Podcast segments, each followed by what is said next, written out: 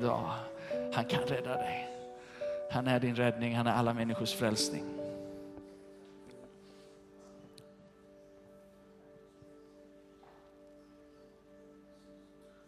Så ber vi också Herre att du skulle tala idag än en gång genom ditt ord. Och vi önskar att du talar speciellt och individuellt till oss, men också som gemenskap. Den här söndagen, i Jesu namn ber vi. Amen. Gud välsigne dig och varsågod och sitt ner. Och tack ska ni ha. Vi uppmuntrar tillbedjarna, lovsångarna. Kan vi inte göra det och säga tack så mycket för att ni tjänar oss och alla tekniker och som eh, ser till att vi kan ha gudstjänst. Det är gött att det ändå är lite varmt här idag. Jag är tacksam varje söndag nu, eller hur Gittan? Jajamän. Eh, så ni behöver inte ha med er dubbla jackor och de här grejerna. Eh, och, eh, och, ni som har varit i Uganda, jag ser att det är några tillbaka här. Det är ju fantastiskt att se er hörni. Eh, nästa söndag så ska ni få eh, dela med er lite mer av resan. Bibelskolan har varit i Uganda och betjänat i Butabika. Massa spännande saker har hänt. Men ni får helt enkelt se till att ni är här nästa söndag. Ehm, nästa söndag har vi också besök, eh, vilket är roligt. Eh, en kvinna som heter Christy Wimber kommer predika här, både klockan 11 och klockan 2.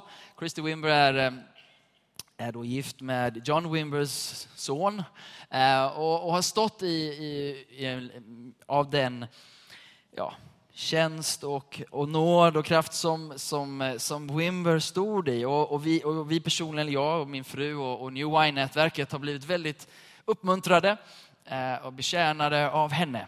Och nu kommer vi ha en ledarkonferens. Eh, New Wine ledarkonferens kommer vara här i huset. Mm, då inte i veckan som kommer utan veckan efter det.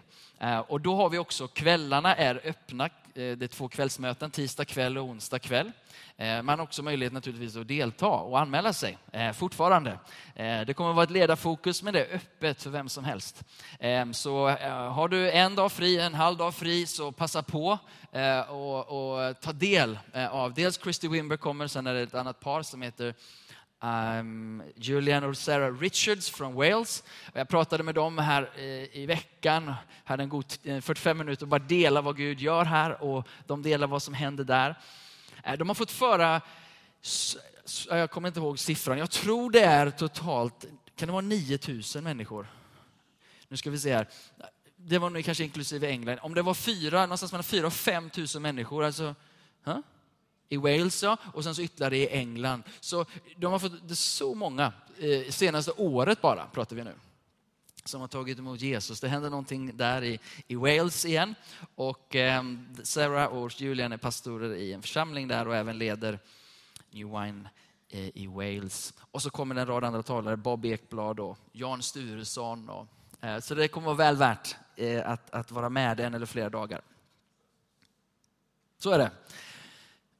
Ska jag ta ett andetag? Paul Olenius heter jag och pastor i församlingen här. Och är du ny den här söndagen, gästar du oss, så är du särskilt välkommen eh, att fira gudstjänst med oss. Och vi har en, eh, ett tema eller en, en serie som vi är inne i just nu.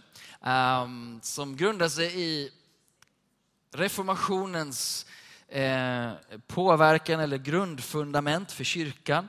Eh, där man tog med sig fem grundpelare som man har hållit fast vid och lyft om och om igen. Reformationen 500 år sedan påverkade ju mycket mer än så. Men, men här har vi några eh, delar. Om vi går till nästa bild är du snäll. Så går vi igenom att eh, vi är frälsta, vi är räddade, vi är nu i Guds familj och i hans syfte av nåd. Genom tro, av Jesus på Bibelns grund och till Guds ära ska det stå.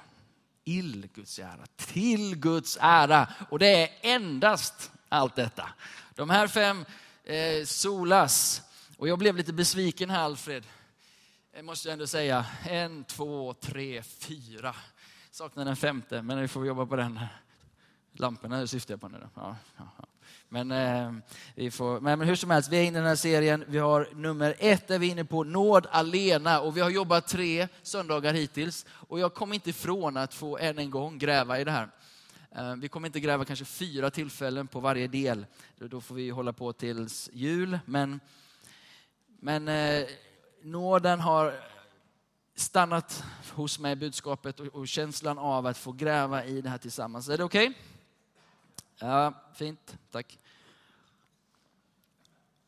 Ni är väldigt eh, responderande idag, men det, det är lugnt. Um, och, ehm, och Det jag kommer röra vid, med, vid idag är varför nåden är enda vägen framåt. Um, och hittills när vi har talat om nåden så har vi talat mycket om det personliga mötet med Jesus, personliga um, liksom tillämpning av nåden och vi kommer göra det. Men ni som känner mig, ni vet att jag är lite så framåtlutad och är på väg någonstans. Ehm, och, och vi har ett uppdrag i den här världen. Eh, vi är satta i den här staden, vi är satta att påverka den här staden på ett eller annat sätt. Ehm, så idag så kopplar vi nåden lite i den rörelse som nåden är i. Eh, den först förvandlar oss, men den vill sin förvandling, den vill verka genom oss för ett annat syfte också. Att påverka den eh, stad eller den plats, den trädgård du är satt att, att förvalta och ta hand om. Okej, okay? så om vi, jag tror jag sa det här första gången jag började söndagen om nåden, att om vi ska uh, få vara ett Guds folk som Herren tar igen, från Egypten, genom öknen och in i det förlovade landet. Och kanske om det är ny till Bibeln så är det kanske lite bibliska. Men det finns en berättelse i Gamla Testamentet om hur Gud räddade Israel och Egypten genom öknen ut ur det förlovade, in i det förlovade landet. Och det är en spegling av vår vandring som Guds folk. Ehm, och, och min, min spaning är den här att om vi inte blir drivna eller förvandlade och drivna av nåd så kommer vi inte kunna inta landet, lite slarvigt uttryck, eller få del av det förlovade landet. Om inte nåden är det som förvandlar oss först, om inte nåden är det sätt så som vi går in i landet på, så kommer vi inte kunna besegra de jättar och de befästa eh, städer som vi är kallade att gå in och påverka. Min spaning är att det är bara genom nåd som vi kommer kunna fälla vår tids Goliat. Vad den nu än är för någonting, vad den nu än står för i ditt och mitt liv. Eller i våran stad. För det är nämligen så, så som jag ser det, att Guds rike utbreds endast genom nåd och sanning, eller sanning och nåd. När sanningen kommer ensamt så har den inte kraften att fälla Goliat den har inte kraften att bevara oss i landet. Utan Jesus var full av nåd och sanning. Där sanningen sätter oss fria, men nåden ger kraften att leva i frihet. Låt oss gå till två bibeltexter här och så får vi se om jag eh, får ur mig det jag har på insidan. Eh, ni får be lite extra för mig om ni tycker att det blir lite svårt. Eh, så här står det från Romarbrevet. För om döden kommer att regera efter en endas fall genom den ende, hur mycket mer ska då inte de som tar emot den överflödande nåden och rättfärdighetens gåva få regera i liv genom den ende Jesus Kristus. Vilka ska få regera i liv? Jo, de som tar emot den överflödande nåden och rättfärdighetens gåva. Det finns en kraft frigjord för den som tar emot. Inte bara nåd, men nåd som överflödar. Det är nåd som har ett kontinuerligt flöde över den som tar emot den. Och det flödet, det gör att rättfärdighetens gåva fördelas över den och vi får regera i liv genom den nåd som är oss given. Lite senare i samma kapitel säger han så här. Men där synden blev större, där överflödade nåden ännu mer. Liksom synden regerade genom döden så skulle också nåden regera genom rättfärdigheten och ge evigt liv genom Jesus Kristus, vår Herre. Hur är det tänkt att detta liv och denna rättfärdighet ska implementeras på jorden? Jo, det är genom att nåden frigörs. Det är att nåden kommer oss till del. Det är att den överflödande nådens kraft i den enskilde och i sammanhanget börjar verka. Och vad som händer då, det är att rättfärdighet börjar etableras. Och när rättfärdighet börjar etableras, då kan liv flöda. Jag ser det som en, en, en pågående process där, där nåden verkställer eller för in rättfärdigheten först för den enskildes rättfärdiggörelse inför Gud, att få ett rätt förhållande till Gud. Men sen så kommer också en tillämpning av rättfärdighet som vi kallar helgelse, som vi kallar ett efterföljelse. Och nåden slutar liksom inte att verka i och med rättfärdiggörelsen, utan nåden fortsätter på ett överflödande sätt. Att skapa rättfärdighet i sin väg så att evigt liv kan flöda fritt. Alltså nåden kommer in och gör det lagen inte kan. Lagen kan inte skapa rättfärdighet. Lagen kan bara påvisa vad rättfärdighet är eller inte är. Eller inte finns. Det är en spegling men innehar inte kraften till att i, i, verkställa det. Nåden å andra sidan har kraften att upprätta de här gudomliga ordningarna. De här linjerna som Gud har skapat för oss att leva i. Han, han har skapat oss på ett visst sätt och när vi lever i linje med hans vilja, det är då det kallas för rättfärdighet. Och vad som händer då, det är att hans liv kan börja pulsera och flöda utan hinder. Är ni med? Med på bilderna. Men, men inget av det här kan komma utan att nåden först etableras. Utan att vi själva får uppleva, möta, dagligen tillgodose oss den nåden. Att skriften säger att hans nåd är ny varje morgon är en påvisning som talar om för oss var dag så är vi likväl så beroende av hans nåd. Att hans nåd verkar på oss, att hans nåd väcker oss, att hans nåd ställer i ordning de här rättfärdighetens, rättfärdighetens ordningar. För jag kalla det, förstår du? Där, där det på din insida stämmer. Där det inte är manipulerat, där det inte vränger, där det inte är skav, där det inte är mörker, utan rättfärdighet. Vi kan kalla det för renhet, vi kan kalla det för helighet. Där det stämmer på insidan, där den, det, det är kanaler som är öppna, det är inga, inga krokigheter utan rättfärdighet. Och där flödar Guds liv. Guds liv tar sig fram ändå. För han är inte beroende av din och min fullkomlighet för att nå oss. Men hans nåd verkar på ett sådant sätt att den ställer i ordning och gör det öppet och fritt. Är ni med mig? Alltså, det är någonting som blir helt när hans nåd frigörs i mitt liv. Och hur frigörs den här nåden? Det talade de lite om söndagen eh, för två veckor sedan. Då. Eh, och jag, jag får nog säga att jag predikade samma predikan förra söndagen på tvågudstjänsten och den var bättre. Den var mer färdigbakad om man säger. Den var lite halvbakad när ni fick den, men eh, innehållet stämde hyfsat eh, ändå. Eh, så, men, eh, eh, men jag gav tre punkter på den här andra gudstjänsten, så jag, jag, jag hoppar tillbaka, för jag tänker mig så här, att om inte vi landar i hans nåd, om nåd är bara ett ord för oss när Paulus säger nåd och frid vare med dig, bla bla bla bla bla. Och sen börjar vi läsa. Då har vi inte fattat någonting, tänker jag. Och inte jag heller. Om inte vi förstår, varje gång nåd nämns så exploderar det av liv. Det, är bara, det förändrar allting. När någon tillönskar dig Guds nåd, då börjar vi snacka. Boom! Det är själva honnörsordet i kristen tro som präglar oss, som särskiljer oss. Och likväl så är vi så familjära med att vi tappar dess djup och innehåll, eller hur? Så jag tänker så här att om du tänker så här, nåd, nåd, vad fasligt vad han snackar om nåd alltså. Eh, fasligt kanske man inte får säga i kyrkan för övrigt. Det vet jag inte. Är Det så här mellanord. Jag sa det i alla fall. Eh, men om vi har en hållning som tänker, ah, ja men nåd förstår jag, då tänker jag, men då har vi fattat väldigt, väldigt lite överhuvudtaget egentligen. Utan, om nåden inte får dig att svindla,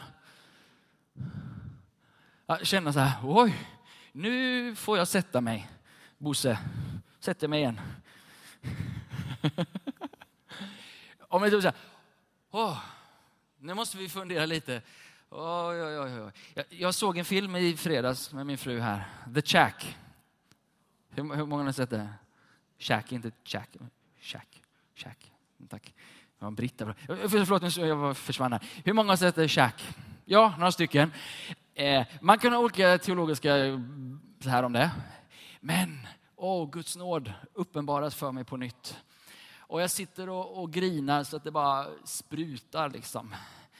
Oh, han möter mig i allt det där så bara händer någonting. Att igen får man liksom en liten glimt av vem han är. Hans godhet, hans kärlek, hans trofasthet. Han tar oss där vi är. Han kommer till oss på ett sätt som kanske inte passar exakt de här eh, teologiska linjerna. Men likväl så kommer han till dig där du är. För du kan höra honom tala där. Åh, oh, Gud är så god. Nu är jag eh, för, förbi här.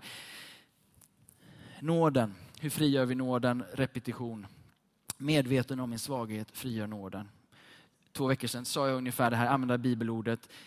Paulus säger i sin diskussion med Herren, ta bort den här tönetaggen, jag mår inte bra av att, eh, att jag inte mår bra ungefär. Och han säger, ta bort det som gör ont i mig. Och så säger Gud, min nåd är nog för dig. För min kraft fullkomnas i vad då? Vad fullkomnas hans kraft? Och därför säger Paulus, vill jag hellre berömma mig av min vadå? Varför? Jo, för att Kristi kraft, alltså hans nåd, ska vila över mig. Jag berömmer mig hellre av min svaghet så att hans kraft frigörs i mitt liv. Så vad är det som frigör Guds nåd i mitt och ditt liv? Jo, medvetenheten om vår svaghet. Jag tror jag försökte säga detta och det kanske gick fram till någon och, en och annan. Men svagheten, och jag tänker att den största svagheten är inte de uppenbara synderna du och jag kämpar med. Utan den djupaste svagheten, det är vår, vår styrka. Och vår benägenhet att klara sig själv. Vår benägenhet att stå på egna ben. Att vara domare över rätt och fel. Att vara domare över vårt eget hjärta och på något sätt kunna ställa oss på platsen där vi säger, nej men jag är skyldig eller jag är rättfärdig. Eller vi vågar till och med gå så långt i vår kraft och styrka att vi börjar döma en annan människa. Hör och häpna. Tänk att vi sätter oss på det domarsätet och vågar ta oss rollen och döma en annan människas hjärta. Det är den svagheten vi pratar om. Medvetenheten om det som Bibeln kallar för kanske djupast sett högmod. Egenmäktigheten, egenrättfärdigheten, självgodheten, egot. Medvetenheten om dess kraft är det som frigör hans kraft. Medvetenheten om att det lurar där hela tiden, var du än är på skalan.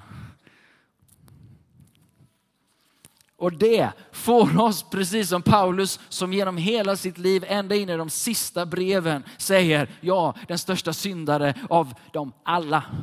Det skulle varit kört för mig. Han genom hela sitt liv kommer tillbaka till, jag kan inte tänka mig att leva ett liv utan att leva av den nåd som en gång frälste mig. Är ni med mig?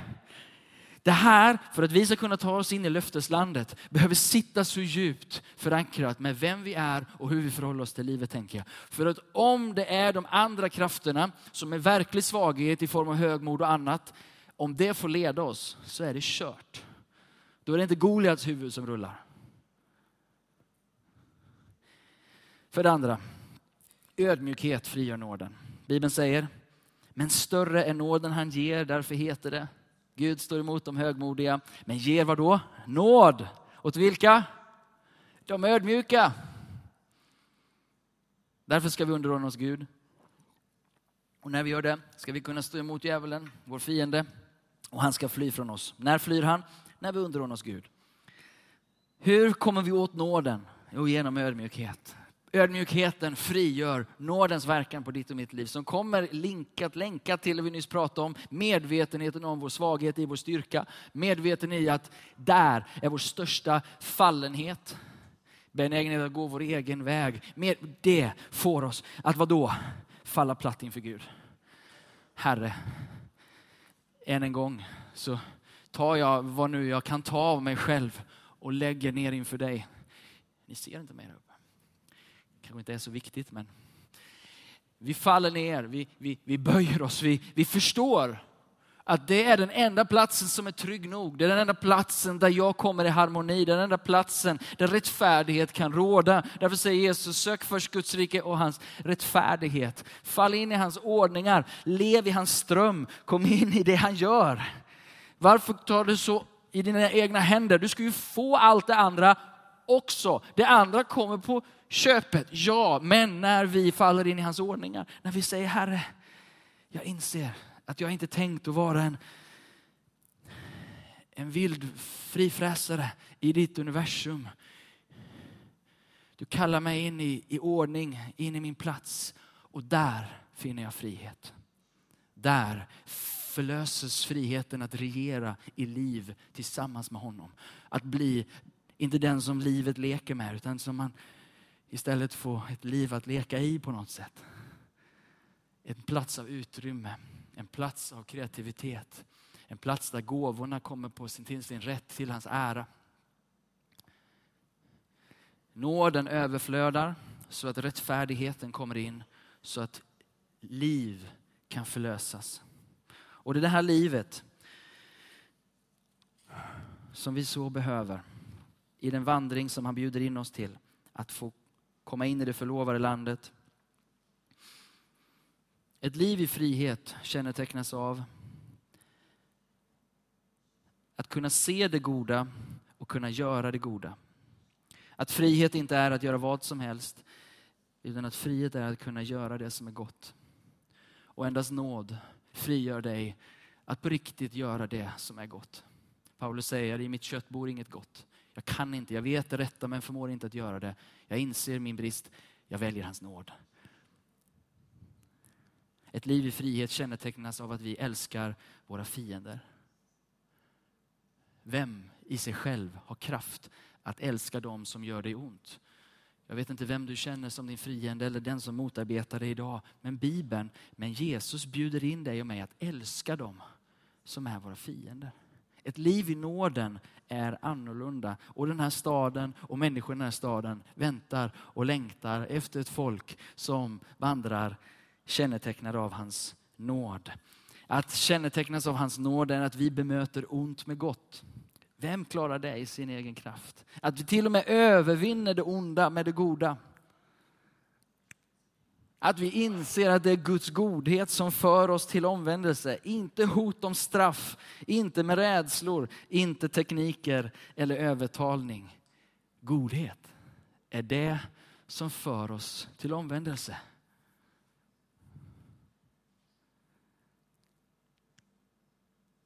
ett liv under nådens frihet så inser vi att Jesus kom inte till världen för att döma världen, utan för att rädda den.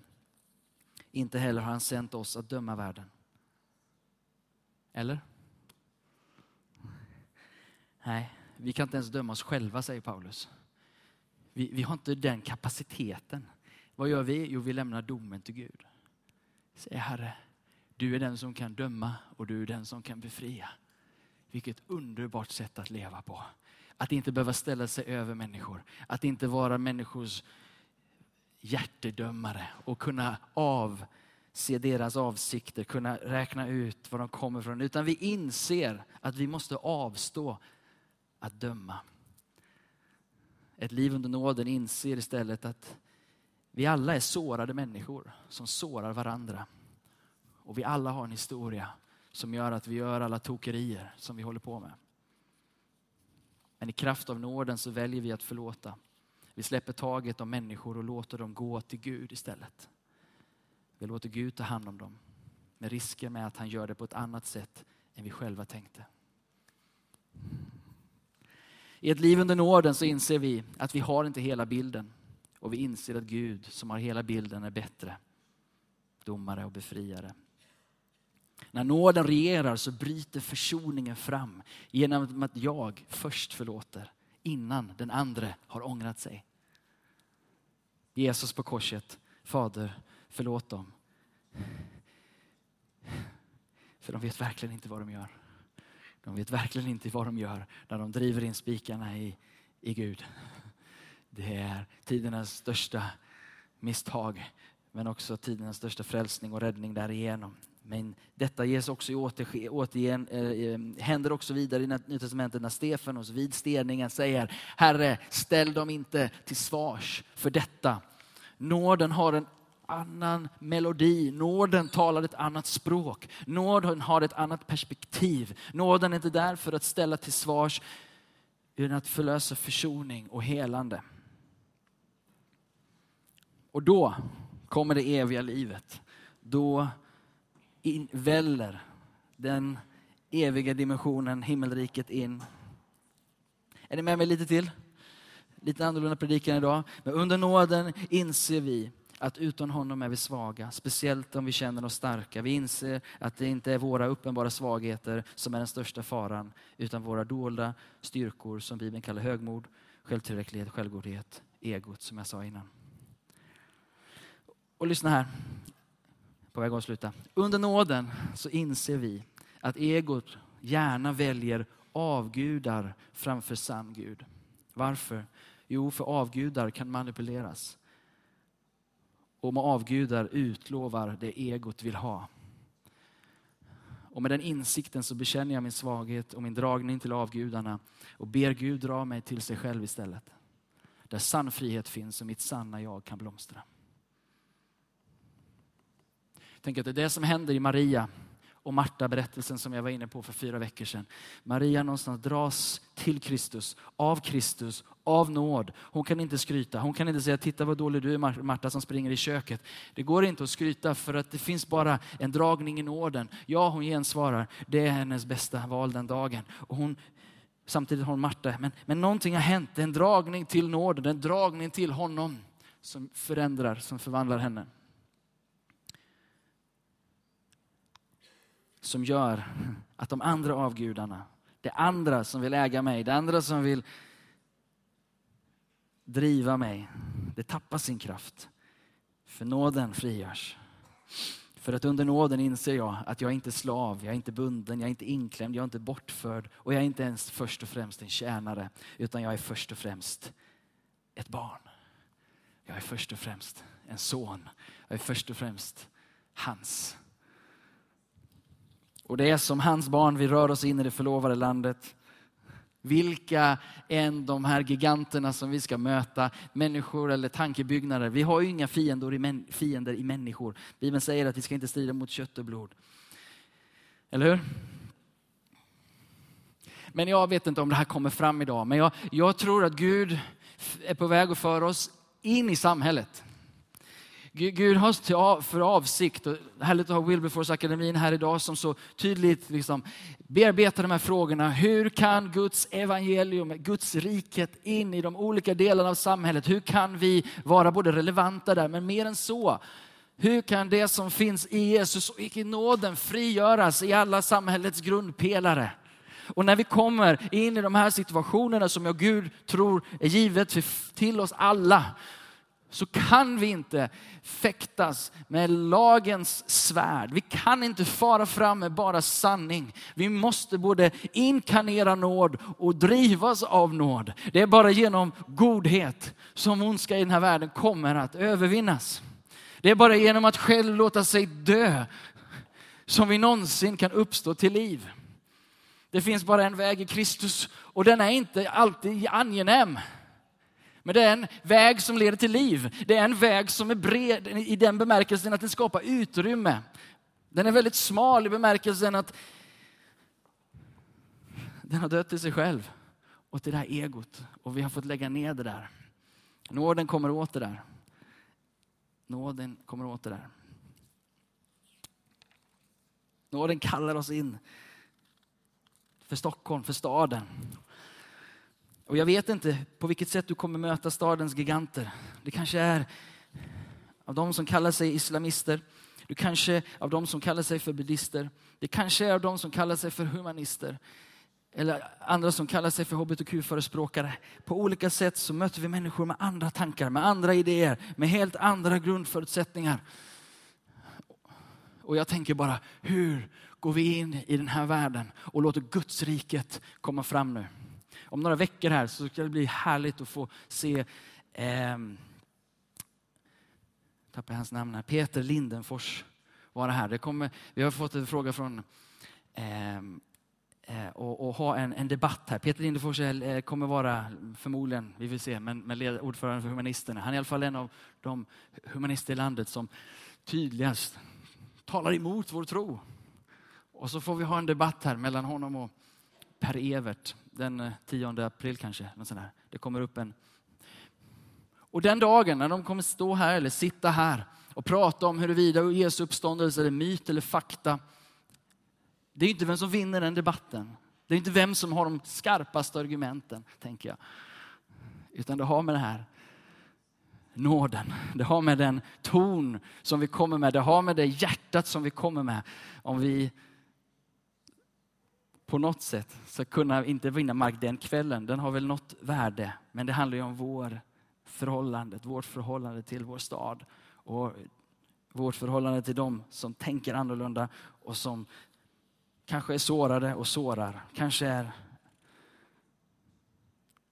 i någon mening en fiende till evangeliet. Lovsångarna kan, kan få komma fram.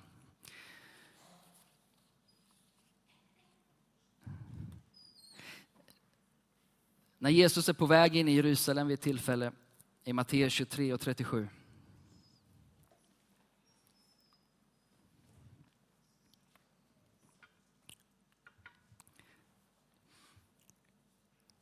Så om vi skulle spegla oss i hans inställning till Jerusalem som snart ska döda honom. Och det som växer Jesus den här dagen är Jerusalem, Jerusalem. Du som mördar profeterna och stenar dem som är sända till dig. Hur ofta har jag inte velat samla dina barn så som hönan samlar sina kycklingar under vingarna. Men ni ville inte. Jesu hjärta för vår stad, för Stockholm. Hans tårar eller nöd. Hans hjärta för individen, för allt som rör sig i den här staden.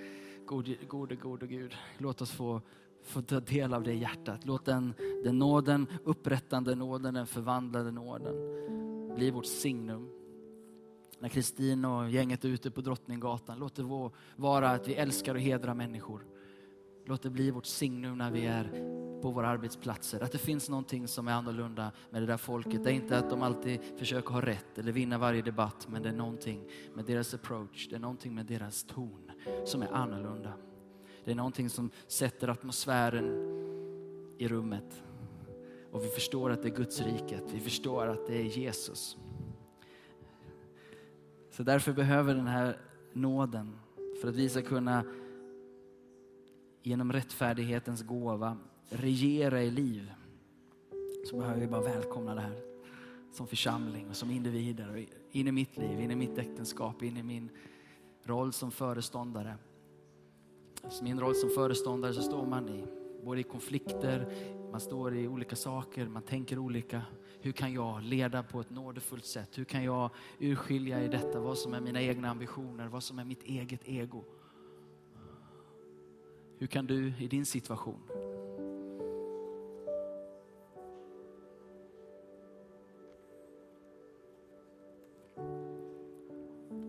En tanke till som jag bara droppar. Att Paulus som skriver så många brev till så många olika städer. Han hade många tillfällen att försöka gå till rätta med städerna. Säga att, åh Efesus, hur illa är det inte där med avgudatemplet och allt det elände som finns där. Eller i Korint. Han hade många tillfällen att försöka gå rätta till städerna, men han går till rätta med församlingen. Och han kallar församlingen att vara ljus och salt. Och jag tänker inte att han har ett upprop till dem att ställa er på barrikaderna och tala om vad som är sant. Jag tror uppdraget är att gå ut och älska den här staden gå ut och vara nåd för den här staden. Sök den stads bästa som är satt att vara i. Sök den arbetsplatsen bästa. Sök din chefs bästa. Övervinn det onda med det goda. Välj förlåtelse före strid. Ta hellre en oförrätt. Var hellre den som bär korset. Låt oss älska våra fiender. Låt oss älska de som är emot oss. Låt oss vara ett folk som inkarnerar den nåd som korsfäste Kristus och gav oss liv. Låt oss bli ett folk som följer honom. Inte bara i ord, inte bara i proklamationer, men i liv. I brustenhet över vår egen fåfänga, vår egen, våra egna hjärteproblem. Och i den myllan hör mig rätt, det handlar inte om att vi ska bli ett folk som säger, åh vad dåliga vi är. Jag hoppas du inte hör det. Eller klankar på oss själva, utan hör att det, det finns en fattigdom som leder till salighet. Det finns en, ett sörjande som leder till salighet. Det finns en ödmjukhet som leder till salighet. Det finns en hunger och en törst efter rättfärdighet som leder till salighet. Det finns en barmhärtighet som föder barmhärtighet. Det finns en renhet som, som gör att vi får se Gud och bli kända som Guds barn på grund av att vi är fridsmäklare, fridsstiftare. Vi, vi kommer inte med strid, vi orsakar inte riot och oh, skakar om staden och bum, bum, bum. Nej, vi kommer med frid. Vi kommer med frid. Han har sänt oss att vara fredsstiftare. Då ska vi igenkännas som Guds barn. Och då kan jag lova dig att vi kommer få förföljelse. Inte för att vi står och talar om hur det sannoliken ska vara. Men på något sätt, när evangeliet på riktigt levs ut, då blir det motstånd. Men då finns det en glädje som Paulus talar om, som Jesus talar om. Han säger, saliga när det sker, ja då ska ni hoppa och jubla av glädje på den dagen.